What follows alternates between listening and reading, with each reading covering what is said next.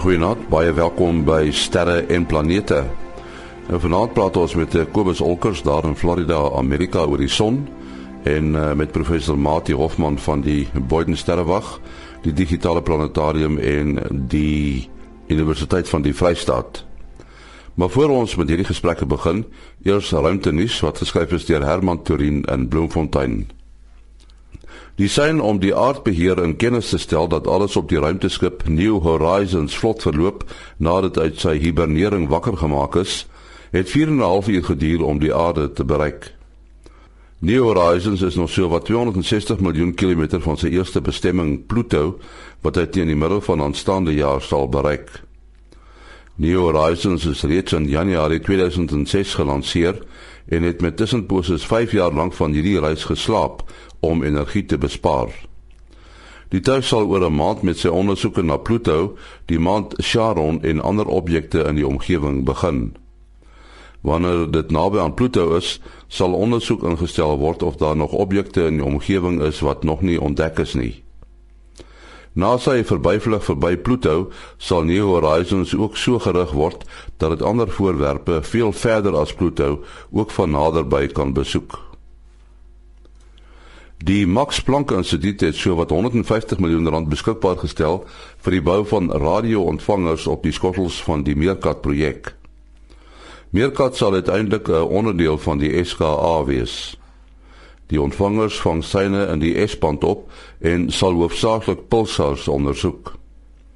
Ontvangers wat in die L-band en UHF sal ontvang, word reeds in Suid-Afrika gebou.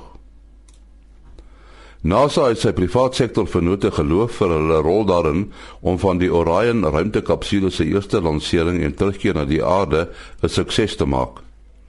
Met hierdie vlug het die VSA weer 'n groot stap geneem in die rigting van ruimteverkenning. Die ontwikkeling van Orion is 'n belangrike stap in die program om teen ongeveer 2030 die eerste mense op Mars te laat land. Orion se eerste toetsvlug het net langer as 4 en 'n half uur geduur voordat teen 'n geweldige snelheid na die aarde teruggekeer het. Hierdeur is die Orion se veelbesproke hitteskild teen enorme temperatuur getoets. En die skild het die toets met vleiende vaandels geslaag. Met Orion se volgende toetsvlug sal dit ook uitgerus word met 'n diensmodule wat deur die Europese Ruimteagentskap ontwikkel is. Vir die eerste toetsvlug is 'n ingenieursmodel in die plek daarvan gebruik. Die diensmodule is baie belangrik omdat dit onder meer die aanstuwing in die ruimte hanteer, lewensondersteunende dienste aan die bemanning lewer en selfs as stoorplek vir kos kan dien. En dit is dan ruimte nuus wat geskryf is deur Herman Turin in Bloemfontein. Nou, soos ek gesê het, vanaand het ons vir uh, Kobus Holkers daar in Florida in Amerika en uh, ons het vir professor Mati Hofman van die Universiteit van die Vrystaat die digitale planetarium en die Boyden Sterrewag. Uh, ons gaan so 'n bietjie natuurlik oor die son praat omdat Kobus by is. Maar ek dink Mati ons ons moet 'n bietjie praat oor die Orion wat uh, baie suksesvolle uh, lansering en uh, terugkom na die aarde toe beleef het, né? Nee? Uh ja, dit is uh, nogal 'n belangrike uh eksperimentele sending uh wat dit belangrik maak is dit is die eerste keer of die verste sedert 1972 vanaf die laaste Apollo bemande sendings na die maan toe gestuur het dat hulle 'n uh, kapsule wat vir 'n uh, menslike ruimtevaart ontwerp is uh ver van die aarde afgeskiet het uh baie verder as die naby aarde satelliete. Nee so hulle moet nou eers die stelsel toets uh maar in elk geval van na die Apollo sendinge wat in 1972 geëindig het tot nou was die verste wat mense die ruimte in was was tot daar waar die waar die Hubble teleskoop uh, wentel op 'n hoogte van 600 km. Dit was maar almal of na die ruimtestasie of pendeltuig sendinge gewees. So die mense het maar vanaf 1972 die hele tyd hier naby die uh, naby die aarde rondgewentel en nou begin hulle voorberei om weer diep ruimte bemande ruimtesendinge te kan onderneem. Ja, ek wonder nou wat is anders aan aan die Orion as aan die destydse Apollos, daardie uh kapsules.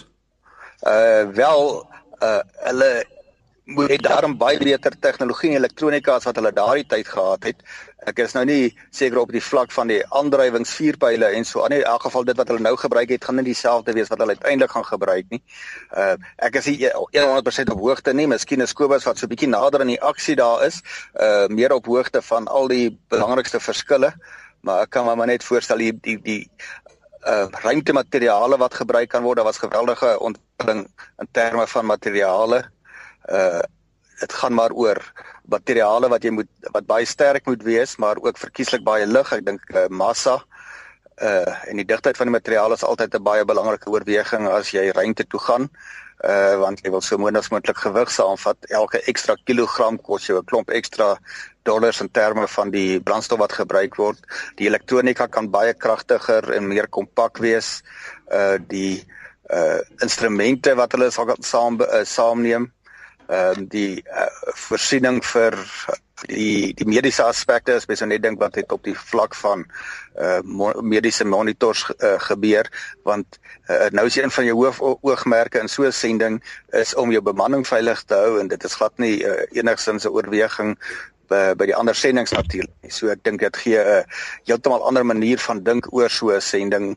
Ehm um, en ek weet een van die dinge wat anders is is dat in uh dat hulle nou die ruimtepakke ontwikkel het tot op die vlak wat hulle vir baie ure sou binne hulle ruimtepakke kon oorleef al sou hulle kapsule uh sy druk verloor as daar 'n sê net maar 'n groot lek ontstaan.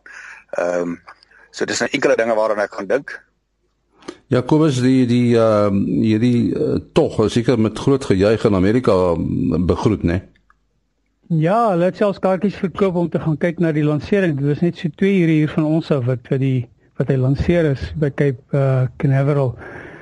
En ehm um, die enigste ding wat ek kan bysê wat wat uh, Mati gesê het is dat hy ehm um, een van die goed waarna hulle ook gekyk het is die nuwe materiale hoe hulle straling kan hanteer want die uiteindelike doel van die ding is om om uh in die diep ruimte in te gaan.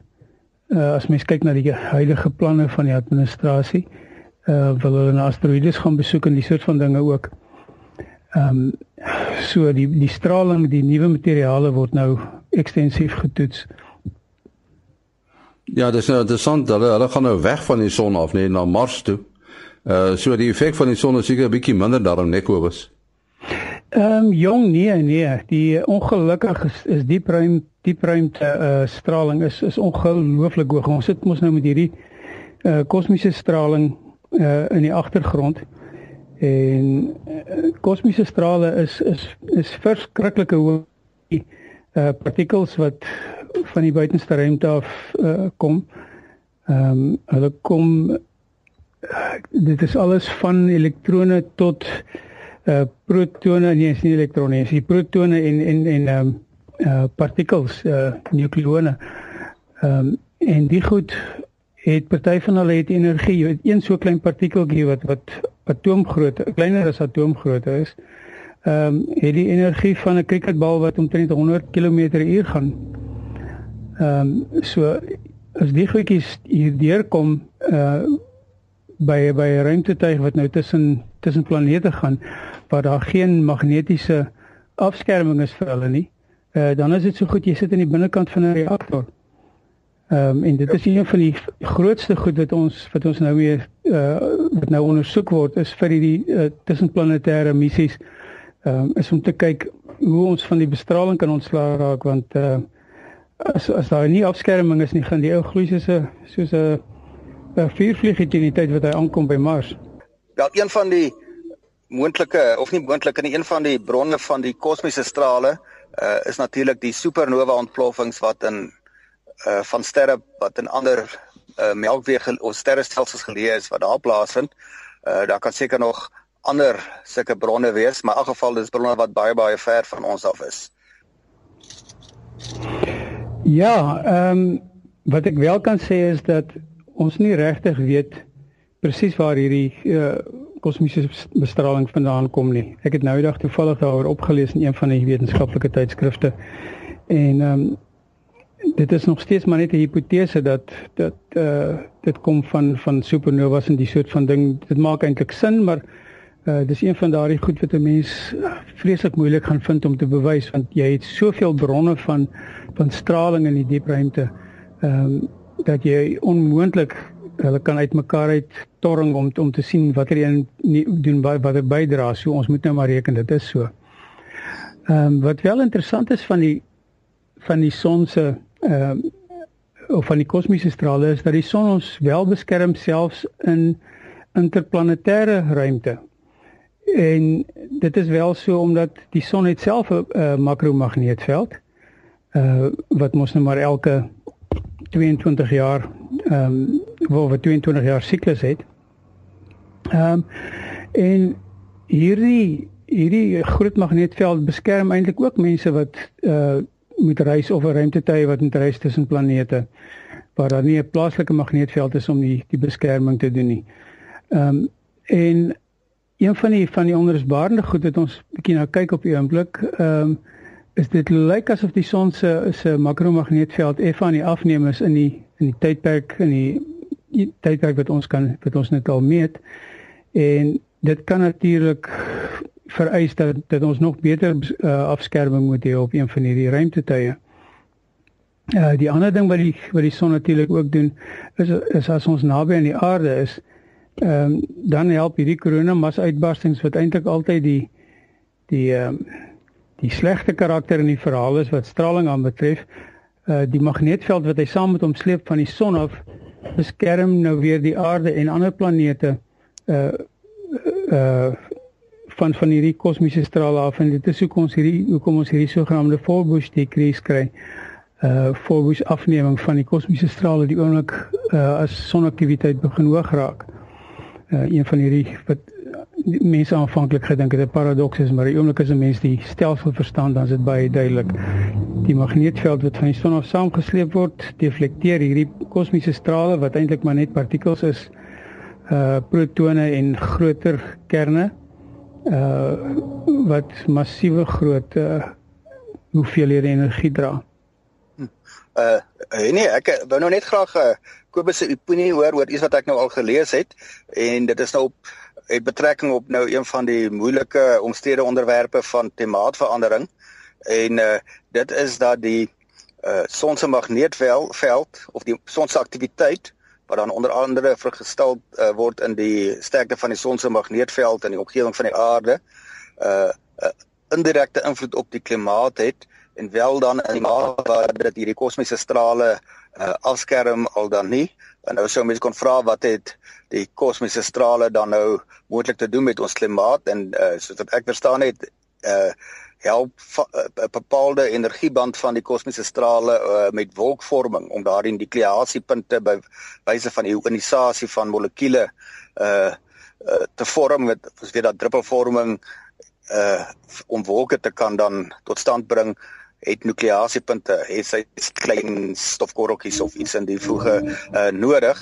En dan natuurlik as daar nou baie goeie wolkvorming is veral van hierdie wolke uh, wat 'n mens so laag bo die oseane sien wat baie wit vertoon, uh, baie wolke uh, sou mens dan kon verstaan het 'n uh, koeler aarde tot gevolg as dit nou op 'n groot skaal plaasvind. Nou weet jy, ja, en jy weet nie maar. Ja. Ja. Ja, nou dink jy mense kan daardie teorie ernstig opneem? Is dit al op redelike stewige wetenskaplike gronde geplaas? Jong, ek kan vir jou uit uit my persoonlike ervaring gee en dit is dat modelle is nooit perfek nie. Hulle raak net al meer en meer kompleks en die klimatoloog is nou nog besig om modelle te probeer aan mekaar spyker van hoe die klimaat werk. En ja, die die die kosmiese strale het definitief uh 'n 'n vorming of of 'n effek op die uh vorming van van wolke en natuurlik ook op die die die die vorming die die uh, presipitasie uit die wolke uit. Want sodra die hoeveelheid ehm um, water wat in 'n wolk verskyn hoog genoeg is en jy kry een enkele partikel van hierdie baie hoë energie partikels wat deur hom gaan, dan maak dan kondenseer hy druppeltjies daaruit.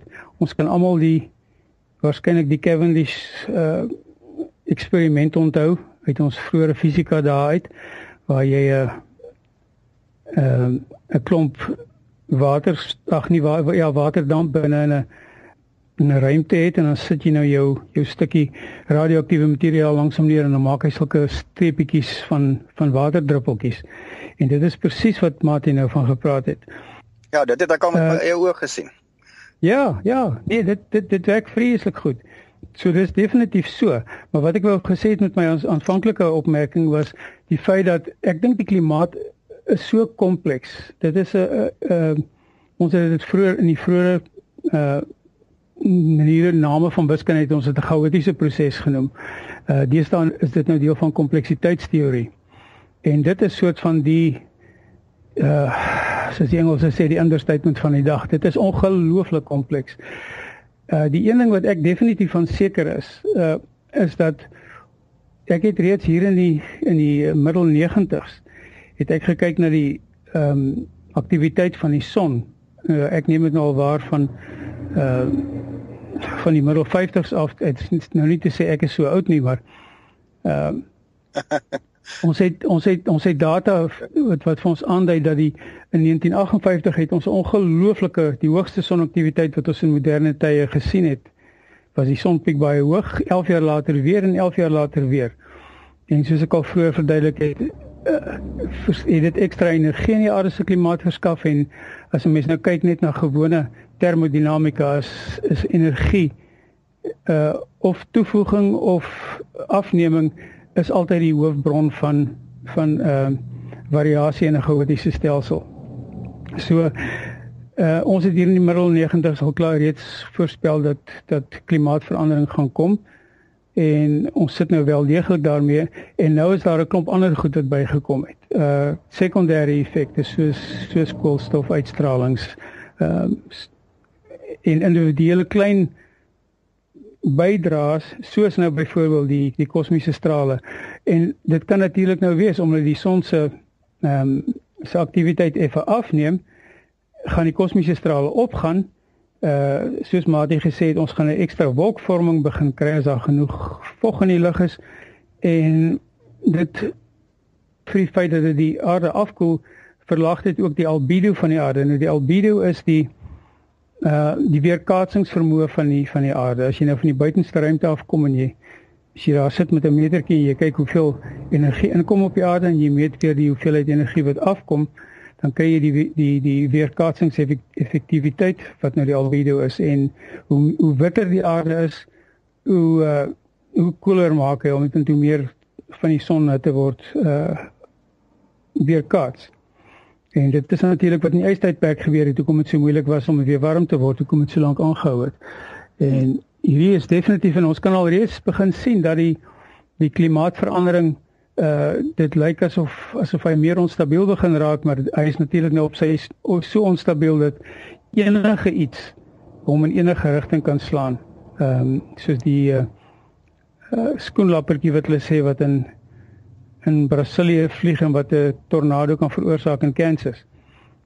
Omdat hy sy sy vlekkies klap, maak hy 'n klein warrelwyntjie en die klein warrelwyntjie maak 'n groter een en maak 'n groter een en so propageer dit totdat dit 'n baie groot effek het. Ja, net so kortliks uh, ten slotte Kobus, uh, ek sien hierso op die internet by die STO uh webwerf wys hulle 'n groot sonvlek wat so aan die onderkant aan die son gesit het. Uh, hier by 30 November was dit. Wat was dit presies? Ja, soos wat ons nader aan die stilperiode van die son kom en ons is die son is nou al bietjie op sy afwaartse pad wat sy die huidige siklus aanbetref, begin ons altyd baie groot koronagate by die pole van die van die son vorm. Uh aanvanklik in, in die wat ons nou al waargeneem het oor die afgelope 30, 40 jaar is dat hy uh wat ons aan die fisies na die son kon kan kyk.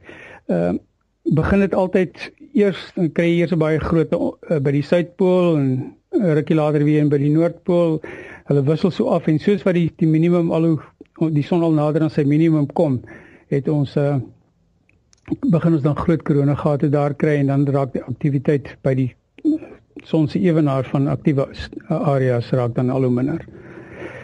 Praat van SDO het ons 'n groot probleem met ons stereo satelliete. Ehm um, ons het nou wel verwag dat die dat die twee satelliete wat dis ons stereo satelliete is ons nou die twee satelliete wat hier rondom die son gaan en vir ons die beelde van agter die son afbring. En soos ons almal nou bespreek het so die afgelope paar maande is die stereo satelliete raak nou al albei van hulle daar's twee van hulle een wat regsom die son gaan en een wat linksom die en die een wat regsom gaan noem ons stereo ahead en die ander stereo behind. So die stereo B satelliet wat nou agter die son moes ingaan uh, is getoets eers was die stereo A satelliet getoets en hy het piekfyn het hom afgeskakel en hom in 'n nuwe modus ingesit wat sy antennes gaan beskerm om die antenne nou omtrent reg in die rigting van die son wys. Hy het piekfyn gewerk. Hulle doen toe dieselfde met die stereo B satelliet. Wat beteken hulle skakel hom af. Uh asof hy nou want hy gaan nou vir 'n hele klomp maande sal hy heel stil wees. En toe hom weer aanskakel, toe kry ons net so drie pakkette van hom af terug. En wat sê hier's probleme. En wat wel gebeur het is die op die stereo B satelliet het die laser gyroskoop, een van die laser gyroskope het geval. Hy gee nou vals inligting vir die rekenaar en ook die ehm um, uh sterrestelsel uh uh wat sou mens dit noem sterrestelsel waarnemer wat nou vir die son ag wat vir die satelliet moet wys watter kant toe hy moet moet kyk. Uh die het ook anomalie Ehm um, so ons het op eerst op 1 Oktober laas van hom gehoor en ons mense werk vreeslik hard op oomblik daaraan om te kyk of hulle nie vir hom weer kan inligting terugstuur en om hom stabiel te kry. Dit laat my so dink aan die tyd toe die sou ruimte tuig so vir 'n paar weke of 'n paar maande verdwyn het. En goed, ons moet afsluit. Uh, Kobus, jou besonderhede? Dis kobusolkers@gmail.com. K O B U S O L C K E R S by gmail.com. Mati 0836257154 0836257154 en die luisteraars kan natuurlik ook onthou om op die sterre en planete Facebook bladsy saam te gesels. Ja, my besonderhede maas.henny@gmail.com maas.henny@gmail.com. Tot die uh, volgende keer, mooi dop.